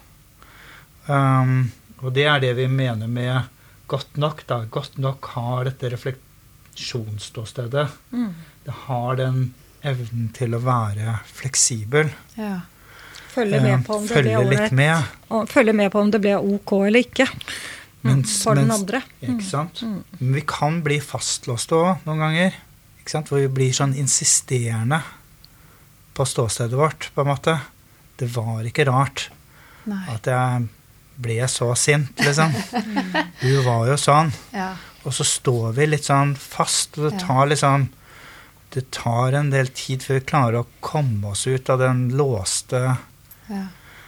følelsen, da, til å plutselig Av og til så kan man jo våkne opp dagen etterpå og tenke at så, så fastlåst jeg var der, så så lenge jeg var i det feilsporet, liksom.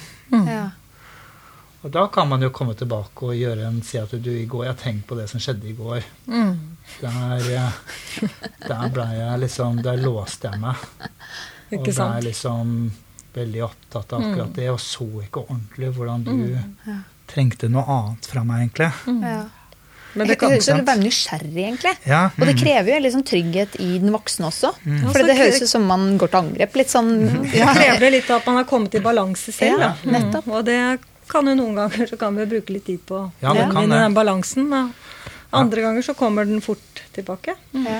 Ja, det er sånne, det, Trygghetssirkelen har noen sånne gode setninger der på å komme ut av sånne fastlåste ting. De Ja. sier sånne ting som Barnet er ikke imot deg, det trenger bare noe fra deg. For eksempel, Ja. Sånne setninger er veldig gode Mm. for å liksom komme ut av noe som er hvor du er liksom er sånn empatifremmende. Ja, hvor du har liksom låst deg litt. Ja. De Det sier er, også ikke, at det er ikke mot deg, jeg er ikke ute og ødelegger for deg, jeg er ikke ute etter å sabotere og være deg vanskelig. ja, Det er ikke sånn at det liker det, på en måte. Nei. Det trenger er egentlig bare bare noe fra det. På en måte, oppgaven din er å prøve å finne ut hva, hva kan det være for noe. på en måte. Da. Jeg er også veldig glad i den setningen om at barn ikke ønsker å være vanskelige. Mm. Ja. Den er også så empatifremmende. Ja. Liksom. Du, Ja. Noen ganger så kan vi liksom tenke at nå Det er jo litt det samme som du sa nå, Stig, men at du nå, nå og nå vet du akkurat hvilke knapper du skal trykke på, og nå, nå gjør du dette bare for å liksom være sånn guffen med meg. Ja. ikke sant? Vi har så lett for å Du vet at mamma ikke liker det når du gjør det sånn. Ja. ikke sant? At det er ja, sånn ja. veldig stort ansvar å gi til et barn.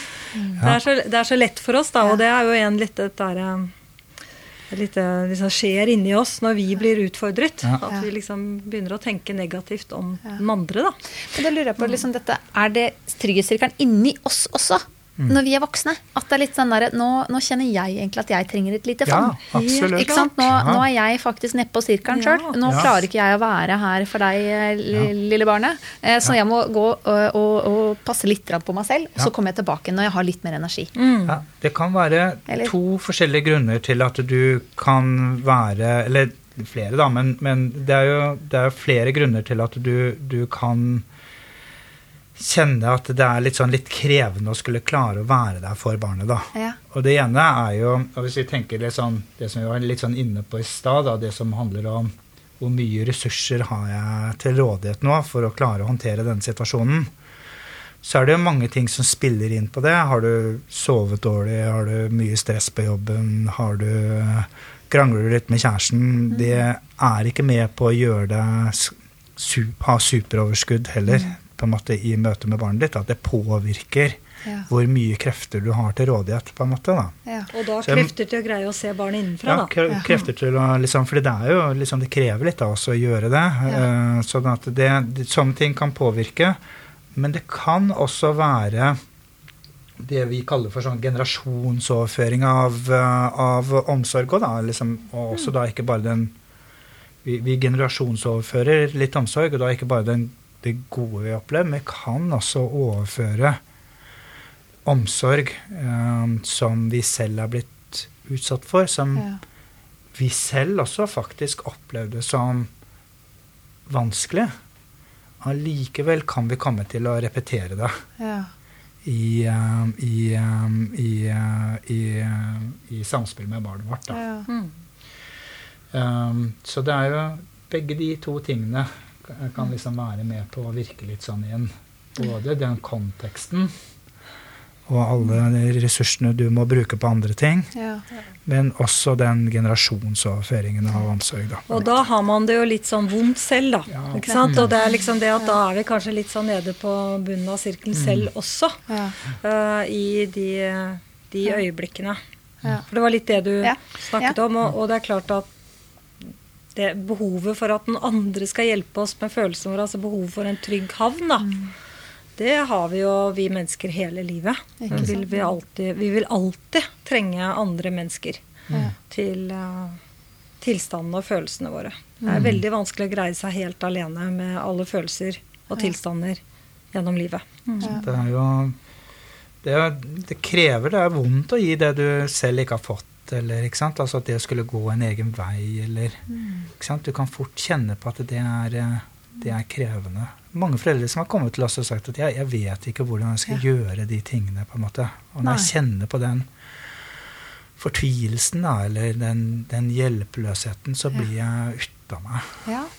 Ja, da er man jo i bunnen av sirkelen selv. Ikke sant? da. Jeg trenger trøst. Jeg trenger Ja. liksom litt hjelp. her, på en måte. Og jeg har ikke noen alternativer heller, fordi jeg går bare i, på automatikk. Og gjør, selv, om jeg, selv om jeg vet at ikke sant, dette ble jo, skjedde jo med meg, ikke sant? Ja. som du sier. Eh, og, og jeg vet at det ikke ga meg noe trøst heller, men jeg gjør det samme, for jeg, kanskje jeg ikke vet helt hva annet jeg skal gjøre. Nei. Det kan være, jeg vet ikke hva annet skal gjøre. Vet ikke helt hvordan komme ut av det sporet, eller hvor, hvor skal man gå en dag. på en måte. Vi har snakka litt om det, en krangling hjemme. For det, Ja. Noen ganger så har jeg gått litt i spor som er sånn Ja. Hvor kommer det her fra? Ja. Jeg vet ikke helt. Og så går man litt i metaapparatet og sier sånn Du, nå vet jeg ikke helt hvor, hvor det her kommer fra. Men, eh, og så liksom snakker man om det, da. Kanskje Ja. ikke nødvendigvis når man krangler, Ja. men etterpå.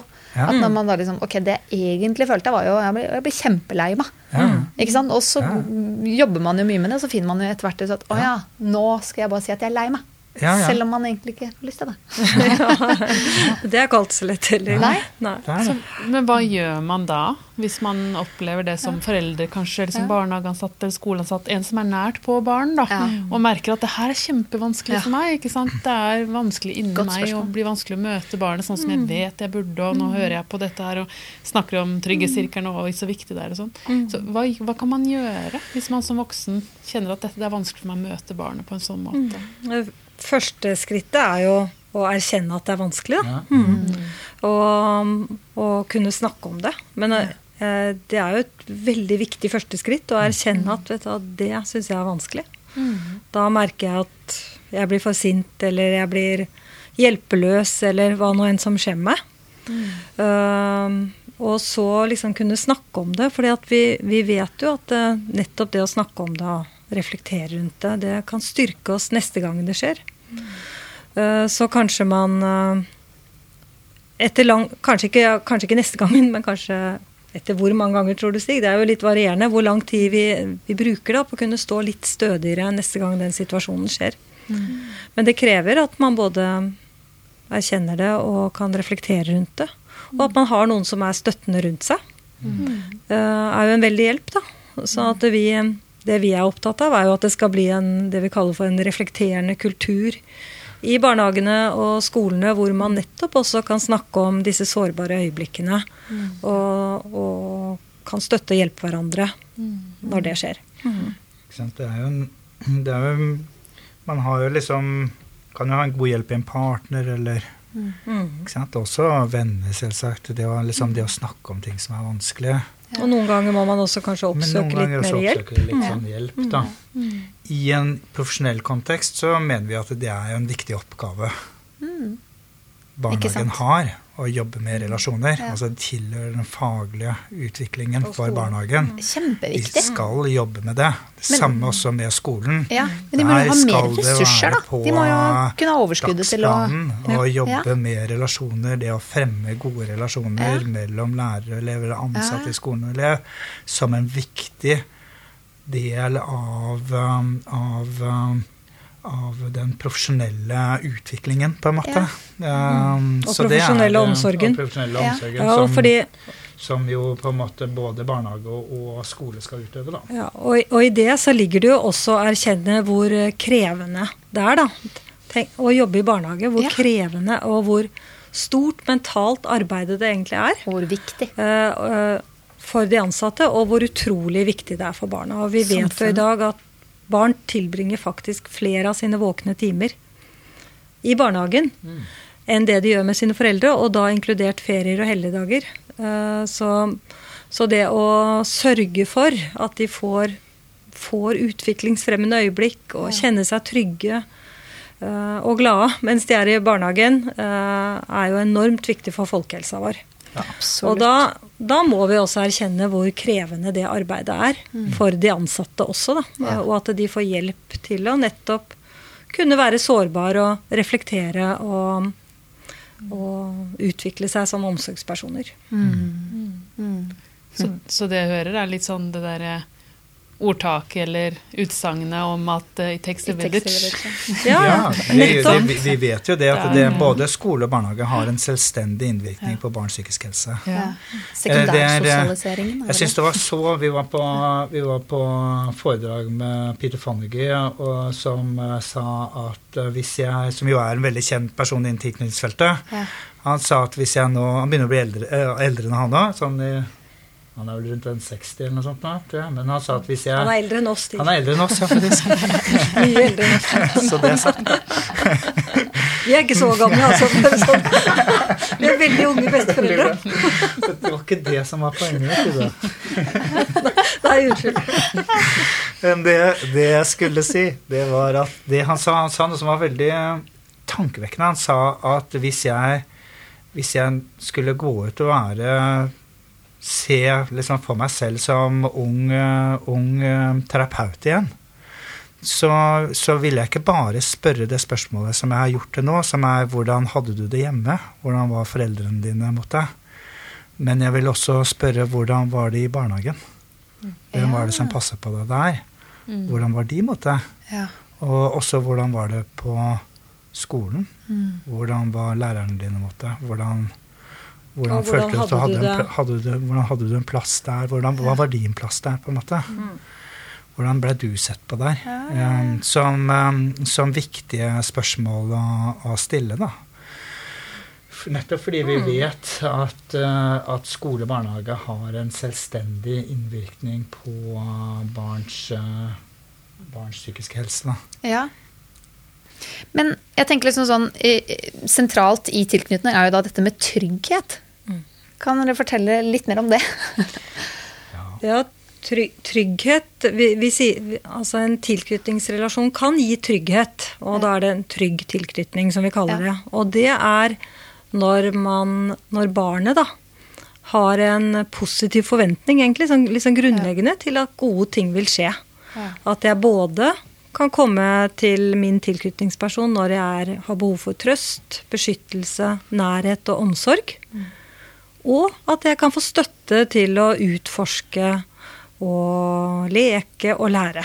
Ja. Og utvikle meg sånn sett. Mm. Det er jo en, det er en følt trygghet. Ja. Ikke sant? Det er en, trygghet er jo da en, en følelse. Det er et, det er et velbehag man snakker om. da, en, en, Kanskje en, en tilstand også hvor vi kanskje litt sånn optimalt har tilgang til ressursene våre også. Eh, på en måte. Det er den tilstanden vi liker å være i, eh, hvor vi får brukt eh, kapasiteten vår på gode måter også. Mm, og hvor vi også kan liksom være oss selv og uttrykke behovene våre uten å måtte forsvare oss. Uttrykke følelsene våre uten Ja. å måtte forsvare oss. En, en slags litt sånn grunnplattform da, å være på. Det betyr ikke at vi kan bevege oss ut av det, for det må vi jo. Ja. Vi må jo utfordre oss selv litt eh, av og til, og Ja.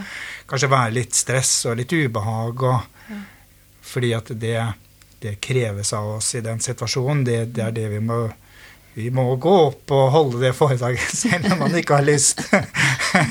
Eller man må gjøre de tingene selv om det stritter litt imot, på en måte. Men, og så gjør vi det. Men, men en trygg tilknytning, da, da har det en retur, da. Ikke sant? Du har en retur tilbake til no, en, et følt velbehag. En, en, en, en tilstand av velvære, på en måte, da. Uh, og det, det er jo litt sånn også skille mellom trygg og utrygg. Altså de som har mer utrygge erfaringer, ikke sant, har erfaringer med mangel på ivaretakelse, så er det ikke alltid at den returen tilbake til noe, den følte tryggheten er der, da. Det følte velbehaget, på en måte. Og så det da blir man eh, lengre i stresset, lengre i ubehaget, lengre i den Ja. vonde følelsen.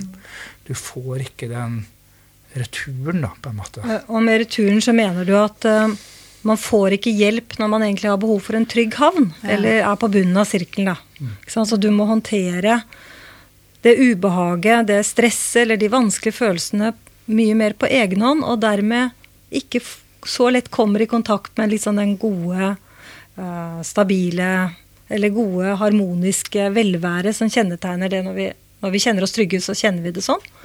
Så vi kommer ikke så lett dit. Ikke sant? Det er jo Tilknytningspsykologen er både opptatt av hvordan du selvsagt, hvordan, hva er det som skjer som, som skaper den følelsen, men også opptatt av den i hvert fall hvis det er en den, den, den bevegelsen av følelser, da. Ja.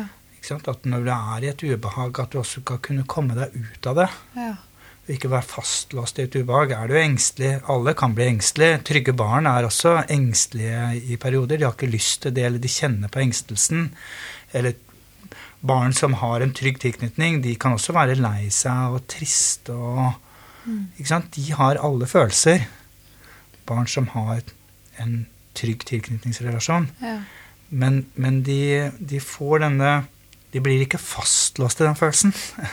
Jeg får jo tanker til depresjon igjen nå, da. Ja, Ja, den fast. Altså til alle diagn altså Når vi snakker, ja. kommer inn på diagnoser og den type Ja. ting, så handler det mye om å være fastlåst Ja. i en vanskelig følelse og ikke kunne komme seg ut av den. på en måte. Ikke sant? Så her er jo koblingen til psykisk helse og følelse veldig tydelig. Da. Altså, Hvorfor er tilknytning viktig for psykisk helse og for følelser? Jo, fordi det gjør oss i stand til å utvikle den indre kapasiteten til å tåle ubehaget. Da, Og ha en retur Ja. til noe trygt. Det er det. Mm. Kunne klare å komme litt ut av det også. Ikke sant? Og ikke være helt, bli helt fastlåst Mm. i den følelsen. Og da også alene og fastlåst, altså Ja. hvor du ikke får noe hjelp, da, enten avlastningsmessig eller utviklingsmessig, til å bevege deg, da, på en måte. Både, Ja. både den avlastningen og utviklingen er bevegelser Ja. Ikke sant, som beveger emosjonen. Da. Mm. Um, uh, så det er, jo, det er jo det man er opptatt Mm. av i, i tilknytningspsykologien. Det er jo opptatt av det mot, altså, motsatsen er rigiditet og fastlåsthet og Ja. hjelpeløshet. på en måte. Og alenehet. Da. Og så hører jeg at, at det både er liksom, ja, så Utrygg tilknytning kan da føre til mer psykiske lidelser. ikke sant, Større problemer fordi man ikke man føler seg alei- aleine. Man blir i dårlige følelser og klarer ikke å regulere de. Samtidig så hører jeg også at det er et samfunnsansvar, egentlig. Med tanke på at det, det, siden jeg er mye på jobb og på skole, og, på hele, hele, og jo tidligere man starter med det, jo bedre. Men så fikk jeg også sånn spørsmål Hva vil det gjøre litt sånn Det er kanskje litt sånn utenfor her spørsmål, men allikevel. Hva skjer med samfunn, da? Som har mye utrygghet i seg? Jeg tenker sånn, Ja, Vi vet jo at 40% av befolkningen er usikkert tilknyttet, og 60 er trygge. Men kan ikke det liksom, si du har land med mye krig, eller du kan ha Eller du kan bare gå inn for en organisasjon. Du kan jo Ja. være du kan jo, altså Husk på trygg er også litt forenklet, da, men det er også trygg i denne relasjonen, på en måte. Sånn at, ikke sant? Altså det er du, du kan også ha Eller trygg i denne altså Bare for å løfte litt opp til et kulturnivå. Det er I denne kulturen her Ja. er en kultur hvor jeg kjenner at det er en, er en hvor det er en innstilling på at Ja. vi kan dele sårbarhet, da, eksempel, som jo er viktig for å kunne kjenne seg trygg. da. Ikke sant? Um, um, men hvis du har en jobbkultur for eksempel, som ikke anerkjenner sårbarhet, Ja. uh, og hvor det er en ledelse som hvis du, hvis du deler sårbarhet, så vil de slå hardt ned på deg. Og, og, og, og, kreve at du må skjerpe deg. eller, uh, eller at det er ikke rom for her, på en måte. Så blir du selvbeskyttende. Ja. Og alle utrygghetsstrategier har selvbeskyttelse. Beskyttelse, ja. ja. Mm. selvbeskyttelse, da. Du, du vil stoppe å dele det at du Sårbarheter etter hvert. Du vil Du vil um, du vil kanskje gjøre deg mindre synlig fordi at du er redd for å komme i et negativt lys. Mm. Du vil gjøre mange sånne typer tilpasninger for å beskytte deg selv. Da. Ja. Så i alle kulturer hvor det er, er sånne ja, hvor, hvor det er sånne mekanismer, da, på en Ja. måte, så Utrygghet, vokser eh, selvbeskyttelsen. Ja, ja. Og, og det kan det gjøre, selv om du på en måte Det vil du bli. altså Selv om du har vokst opp med verdens tryggeste mor og far. Du er i et supertrygt eh, parforhold. Du, du har eh, fine venner som du kjenner deg trygg og god på, men, men er du i et sånt arbeidsmiljø Ja. uh, som det er, så vil du bli selvbeskyttende. ja.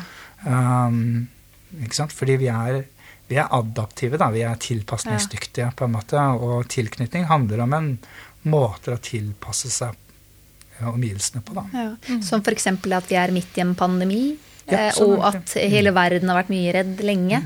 Og at det er ikke så rart, egentlig, at man får mer eh, Kanskje mer ekstreme holdninger, mer rigide, mer mm. gi skylda på hverandre, miste litt oversikten, og så også potensiell krig. Jeg tenker at det gir jo litt mening. Det her er jo, jeg tror Løsningen hadde bare vært om alle blir trygge. bare, bare bli trygge, så finner man ut at vi, bry, vi trenger ikke å bruke penger på militær engang. For da er vi bare trygge. Alle har nok. Er vi trygge, så slipper vi å forsvare oss så mye. Mm, Og, og en del av det er jo også å legge skylda på andre. Ikke sant? Mm, Det er jo en måte å Enten forsvare meg oss eller på. deg. Ja, ikke sant? Noen ja, må ha eller oss, eller selv, selvblaming, da. Ja. Mm.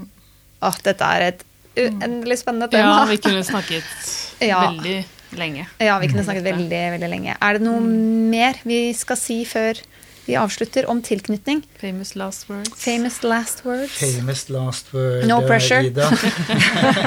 Her er det trygt. Jeg syns jo det er Jeg synes jo det er litt morsomt, men det er også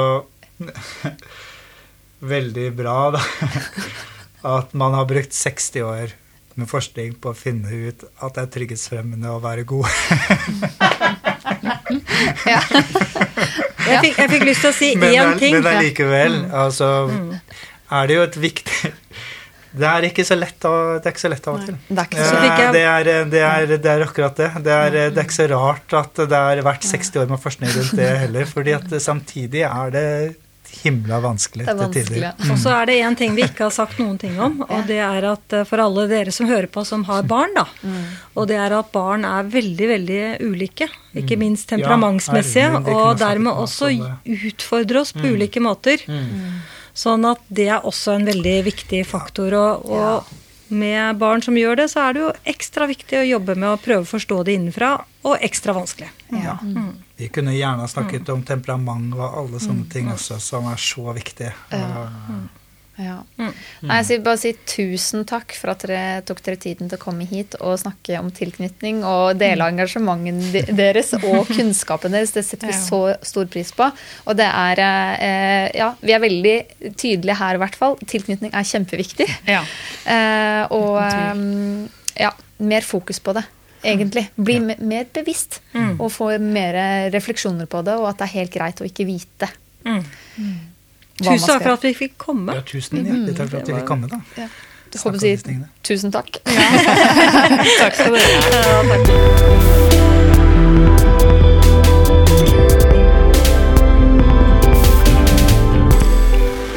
Ja, Kaja, da har vi nettopp hatt eh, Ida og Stig her. Ja. Ja. For et eh, tema. ja.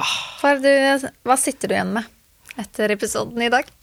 Ja, vet du hva? Jeg sitter igjen med en sånn ah, Det er jo ikke en følelse, men det er jo en blanding av en følelse og en tanke. Da, en oppfatning, en opplevelse av at det temaet som vi har snakket om i dag, og det temaet som hele denne serien, eller sesongen, skal handle om, da, Ja. det er jo så utrolig viktig. Ja. Det er et utrolig viktig tema. Ja. Å snakke om, være klar over, gå inn i. Det gjennomsyrer på en måte hele vårt samfunn, det gjennomsyrer hele vår syke, vår Ja, ja. helse, ikke sant? Eh, og det var det Stig og Ida snakket Ja. om i dag, da. eh, som hjalp oss med å forstå hvor viktig og hvorfor det er så viktig. Det er fundamentet, egentlig. Ja, ikke sant? For det er der det starter. Det er jo på mange måter det, og det tenker jeg man kan si. Altså, jeg vet at, at eh, det kan Altså, det har vært noe sånn diskusjon om liksom hvor viktig er tilknytningspsykologien og sånn, men, men jeg tror li, sånn, i fagmiljøet i hvert fall, så vet jeg at noen, noen er- kan være litt sånn Ja, hvor viktig er dette egentlig? Men jeg har vanskelig for å skjønne at det ikke er viktig. Altså at man kan tenke at tilknytning ikke er fundamentalt for psykisk helse og for utviklingen av følelser da, og evnen til å håndtere det. Så, Eller ikke håndtere det, for den saks skyld. Ja, jeg tenker, Er du interessert i selvutvikling, så bør du innom tilknytning. På et, en eller annen måte. Enten Ja. gjennom å eh, se på deg selv og hva du kan eh, gjøre der for å bli tryggere, f.eks. Eller hvordan du kan hjelpe andre med å bli trygge. Ja. For det er kanskje den viktigste som vi snakker om i a Village. Du Ja. kan påvirke andre. Enten deg selv eller andre. Uansett så er det vinn-vinn for både deg selv og de rundt deg. Altså.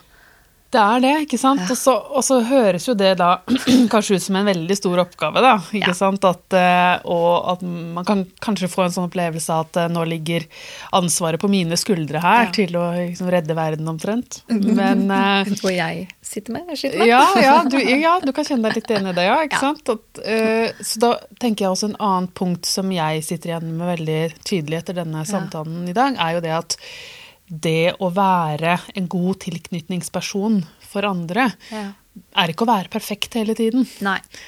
Men det handler om å være bevisst hvordan du virker inn på andre, og særlig på barn, da, som du har en omsorgsrelasjon til. Ja. Eh, Den bevisstheten og den evnen til å tenke over din egen måte å være på, Ja. og ønske om å gjøre så godt du kan.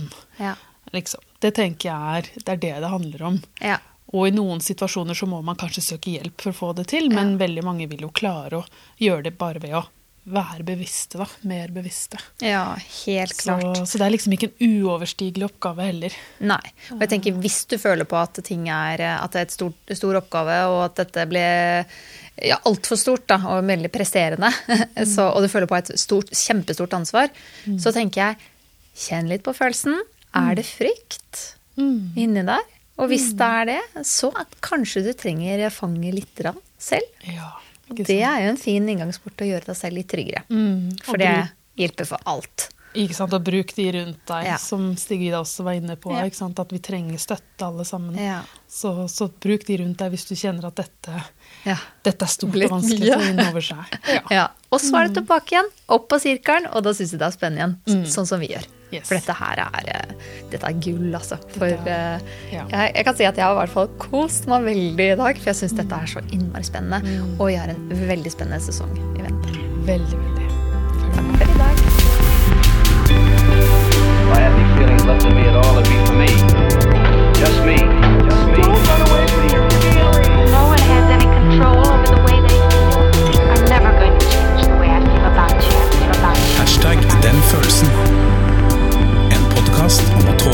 lære litt mer gjennom å tåle oss selv.